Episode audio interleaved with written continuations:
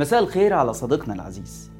أهم قضية بتشغل الناس في بر المحروسة الأيام اللي فاتت هي الفساد.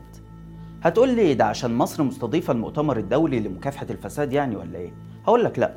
ده عشان عبد الله الشريف يا سيدي نشر تسريبات صوتية لمكالمة بين اتنين بيقولوا إنهم شغالين في رئاسة الجمهورية وقاعدين ينسقوا رشاوي بالملايين. ورغم إن الداخلية نزلت بيان وقالت إن التسريب ده مفبرك وإنه الشخص النصاب كان منتحل صفة مستشار في رئاسة الجمهورية والوقت سابق بقاله خمس سنين بغرض ممارسة أعمال النصب والابتزاز.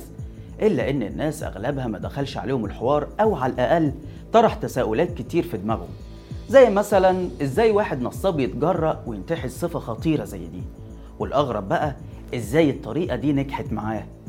يعني تخيل كده دلوقتي انت مسؤول كبير في الحكومة وحد بيكلمك يقول لك أنا اللي هو فلان الفلاني من رئاسة الجمهورية وعايزين الصفقة دي ترسي على فلان ويقوم عارض عليك رشوة. الطبيعي لو انت في بلد متأكد إنها بتحارب الفساد والمحسوبية هتروح فورا تبلغ الجهات الرقابية اللي بدورها طبعا هتقبض على الراجل ده حتى لو شغال في أعلى منصب في الدولة. أما بقى لو أنت في بلد الفساد فيها للركب زي ما زكريا عزمي كان بيقول وأعلى مسؤول في الأجهزة الرقابية بتاعتها اتعزل من منصبه واتضرب في الشارع واتقبض عليه عشان بس كان بيفكر يشوف شغله ويفضح الفساد. فالطبيعي والمنطقي إن أنت هتخاف على نفسك وهتقول له يا باشا اللي أنت عايزه ومن غير فلوس كمان خالص. وبكده يبقى كل ما النصاب انتحل صفة مسؤول أعلى كل ما كانت قدرته على تخويف الناس وابتزازهم كانت أكبر. في حلقة النهاردة مش هنتكلم عن الحادثة دي تحديدا لأن ببساطة شديدة جدا إحنا مش جهة تحقيق. لكن هنطرح أسئلة مهمة جدا. زي ليه الناس في مصر بتصدق ادعاءات الفساد بسهولة؟ وهل في فساد في مصر فعلا؟ ويا ترى حجمه قد إيه؟ وهل الدولة بتحاربه ولا هي نفسها متورطة فيه؟ قبل ما نحاول نبحث معاكم عن إجابات الأسئلة دي، أحب أقول لكم إن من دلوقتي تقدروا تسمعوا حلقات البرنامج بودكاست على التطبيقات المختلفة، سواء كان تليفونك أبل أو أندرويد، وهتلاقوا الروابط كمان في التعليقات. ودلوقتي يلا نشوف حكاية الفساد في مصر. أنا عبد الرحمن عمر وده برنامج الحكاية.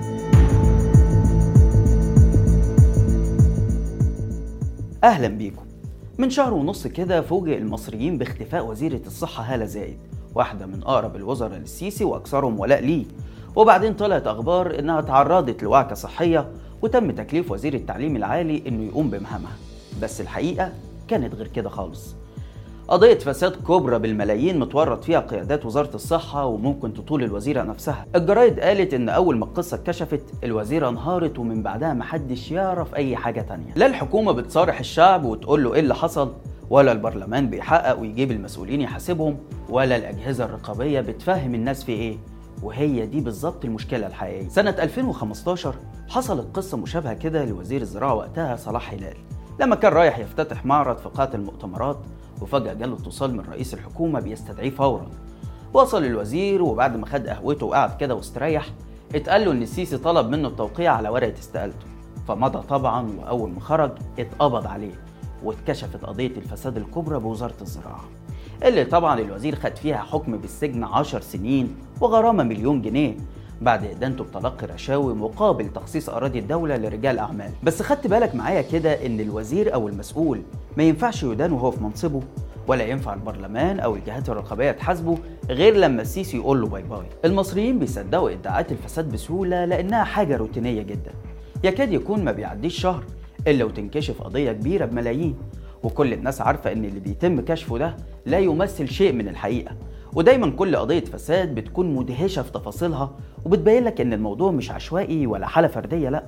دي شبكة فساد ضخمة ومتغلغلة في كل مؤسسات الدولة ويكاد تكون رغبة الحكومة في التخلص منها شيء مستحيل. تعالوا كده ناخد عينة من قضايا الفساد اللي ظهرت بس في الفترة الأخيرة. عندك مثلا يا سيدي قضية فساد المليار دولار ودي يا سيدي قصتها إن كان مسؤول كده في شركة حكومية للطاقة استولوا على مبالغ مهولة وحطوها في حسابات سرية وعشان يداروا على السرقة زوروا صفقات وشيكات وهمية على أساس إن الشركة بتدفع الفلوس دي مقابل خدمات أو سلع أولية. وعلى الرغم من إن الشركة كانت بتحقق خسائر ضخمة إلا إن محدش خد باله خالص من القصة دي والبهوات دول ما اتكشفوش غير لما سابوا مناصبهم. عندك برضو سكرتير محافظة القاهرة اللي اتقبض عليه بتهمة استغلال وظيفته في تربيح رجل أعمال 76 مليون جنيه.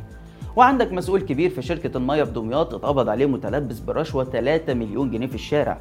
وعندك كمان رئيس مدينة المحلة اللي اتقبض عليه بعد ما خد عمولات من رجال أعمال ومقاولين مقابل إنه يديهم صفقات بالأمر المباشر. ولأن قضايا الفساد في مصر ما بتنتهيش فعندك كمان رجل الأعمال عبد الغفار مهران اللي استغل قرابته بشخصيات أمنية زي عمه اللي هو محمد مهران اللي كان مساعد وزير الداخلية وابن عمه العميد شريف مهران اللي كان شغال في الأمن الوطني.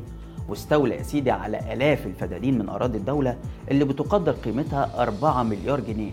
وأقام عليها قرى سياحية ومشاريع عقارية. بس حظه السيء إنه وقع في شر أعماله لما اتورط في النصب على مصريين وعرب وأجانب بعد ما باع لهم فيلل وشقق وما قدرش يسلمها في الوقت المحدد عشان يتفتح ملفه بالكامل وينكشف أمره. وحتى الجامعات اللي المفروض إنها صرح للعلم والوطنية ما سلمتش من الفساد.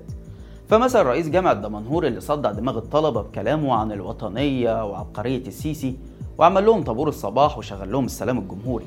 ولبس تيشيرت مكتوب عليه متحدون على مكافحة الفساد. طلع سارق 4 مليون جنيه من فلوس الجامعة. تحسه كده كان بيكافح الفساد عشان هو لوحده اللي يسرق. ده غير إن لما وقع واتقبض عليه كشفت الجرايد القومية بتاعت الحكومة سوابقه في إهدار المال العام وتعيين قرايبه وتزوير شهادات ابنه وغيرها من الفضايح. قصة مشابهة حصلت في جامعة القاهرة بس النتيجة كانت مختلفة شوية. وده لما نشر أستاذ كلية الإعلام أيمن منصور ندى مستندات تثبت فساد رئيس الجامعة عثمان الخشت واختفاء 60 مليون جنيه من ميزانية مركز التعليم المدمج اللي سماه منصور مغارة علي بابا. بس عشان الخشت مسنود وكمان عشان منصور لخبط في الكلام عن إعلاميين زي أحمد موسى وغيره فاللي حصل إن منصور هو اللي اتقبض عليه بتهمه نشر شائعات. المسؤول المصري حتى لما بيخرج بره بيشوف إن قدامه فرصة للفساد. فمثلا رئيس البعثة الدبلوماسية في تشاد أدين بإهدار 2 مليون جنيه على شكل بقى بدلات سفر وإقامة في فنادق وغيره. طب فين الجهات الرقابية من كل الفساد ده؟ أقول لك إن باب النجار مخلع أو زي ما إحنا المصريين بنقول حميها حراميها. فمثلا عندك نائب رئيس هيئة في النيابة الإدارية اتقبض عليه بعد ابتزازه لشركة العربيات العالمية BMW لما طلب منهم رشوة ب 2 مليون جنيه عشان يخلص لهم معاملات فالشركة استغربت وطلعت على السفارة الألمانية اللي قدمت بلاغ رسمي لهيئة الرقابة الإدارية. ده غير مستشار تاني منتدب في جهاز حماية المستهلك اتقبض عليه متلبس بمبلغ بسيط كده مئة ألف جنيه بس. زي ما إحنا شايفين يا جماعة كده لما دورنا بس في الكام شهر اللي فاتوا دول طلعت كل القضايا دي. وزي ما قلنا ده وش القفص بس. فما بالك بقى بالواقع. بعد ما عرفنا إن الفساد متغلغل في جذور الدولة المصرية وإن شبكاته معقدة جدا يبقى مهم نسأل إزاي الحكومة بتتعامل معاه؟ هل بتحاربه فعلا زي ما المسؤولين بيقولوا ولا في الحقيقة هي شريكة فيه؟ الفلسفة وعلم السياسة بيقولوا لنا إن الاستبداد والفساد وجهان لعملة واحدة وإنهم دايما مرتبطين ببعض. لأن في الحالتين أنت محتاج تلغي تماما أفكار زي المحاسبة والمراقبة والشفافية. وفي حالة النظم الديكتاتورية بيتمتع المسؤول بسلطة مطلقة وبينعدم عنده الإحساس بالمسؤولية مثلا أكتر من مرة وزير يرفض إنه يروح البرلمان لأن ببساطة شايف النواب دول أقل من إن هم يحاسبوا معاليه فما بالك بقى بالمواطن البسيط فكرة إن المسؤول شغال عند الشعب دي مش موجودة في قاموس الحكومات بتاعتنا. ممكن حد يقول لي طب طالما كل القضايا دي اتكشفت يبقى السيسي بيحارب الفساد فعلا زي ما بيقول. هقول لك الكلام ده مش مظبوط. لأن لسه شايفين من شوية رئيس الجامعة اللي عامل حملة ضد الفساد مقبوض عليه برشوة. فالموضوع مش مجرد كلام ولا حملات ولا مؤتمرات ولا حتى إنك تقبض على واحد ولا اتنين ولا عشرة من الفاسدين. الموضوع باختصار هو مناخ كامل من الشفافية وتداول المعلومات والرقابة الفعالة. دي الضمانة الوحيدة يا سيدي لمحاربة الفساد فعلا. هل بقى السيسي بيطبق ده؟ تعال أقول لك. صندوق تحيا مصر اللي السيسي أسسه بقرار جمهوري واستخدم كل وسائل الترغيب والترهيب في إنه يخلي رجال الأعمال والجمعيات الخيرية وأي حد معاه فلوس في البلد يتبرع له بهدف جمع 100 مليار جنيه. واللي كمان صدر قانون متفصل يعفيه من الضرائب والرسوم. مين بيراقبه؟ مين يعرف فيه كام وفلوسه بتتصرف إزاي؟ وإيه اللي يضمن إنه مفيش فيه سرقة وإهدار مال عام؟ الإجابة مفيش وده اللي يخلي أي حد يقول إن في فساد الناس هتصدقه على طول. لأنهم عارفين إن المال السايب بيعلم السرقة. نفس الكلام ده ينطبق على مشاريع الجيش اللي برضه مش بتخضع لأي رقابة ومفيش مواطن ولا برلماني يقدر يقول للقائمين عليها تلت التلاتة كام. وبمناسبة الكلام عن مشاريع الجيش فاكرين لما طلع المقاول محمد علي واتهمهم إنهم واكلين عليه فلوسه وكشف موضوع الاصول الرئاسية؟ إيه اللي حصل؟ مفيش إعلامي قدر يفتح بقه ويتكلم عن الموضوع ده ولا برلماني ولا أي حد قدر يسأل بس مجرد سؤال هو الكلام ده صح ولا غلط؟ لغاية ما السيسي طلع بنفسه وأكد الكلام ده وقدم مبرراته إنه من حقه يبني قصور. بس نسي حق المواطن في المعرفة وحقه في الرقابة على فلوسه وحقه في مساءلته هو نفسه باعتباره مسؤول. لأن زي ما قلنا النظم المستبدة مش بتشوف إن ده حق أصلا للمواطن. وآخر حاجة هي تصالحه مع رجال الأعمال اللي أدينوا بالفساد والسرقة والقتل كمان. زي ما حصل مع هشام طلعت مصطفى وأحمد عز وغيرهم من رجال أعمال مبارك اللي رجعوا بعد سنين من الثورة عليهم عشان يلاقوا مصانعهم وشركاتهم شغالة زي الفل ويرجعوا يخشوا في شراكة مع الجيش كمان وكأن اللي جرى مكان. في مقابل رجال أعمال تانيين شغالين بعرقهم وجايبين الطريق من أوله زي صفوان ثابت والسويركي وغيرهم بيتعرضوا لمضايقات وصلت للقبض عليهم ومحاولة مصادرة ممتلكاتهم لمجرد إن النظام شايفهم منافسين ليه أو حتى معارضين لو افترضنا يعني صحة رواية الحكومة اللي بينفيها رجال الأعمال دول. ونفس الكلام ده وأبشع كمان اتعرض له قبلهم هشام جنينة اللي كان في يوم من الأيام رئيس الجهاز المركزي للمحاسبات. بس لما قال إن الفساد في الجهاز الإداري للحكومة يقدر ب 600 مليار جنيه اتعزل من منصبه بشكل غير قانوني.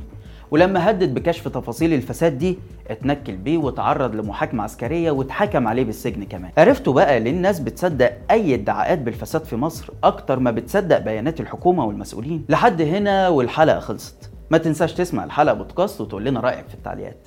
وكمان اعمل لنا like و share واشترك في القناة على اليوتيوب.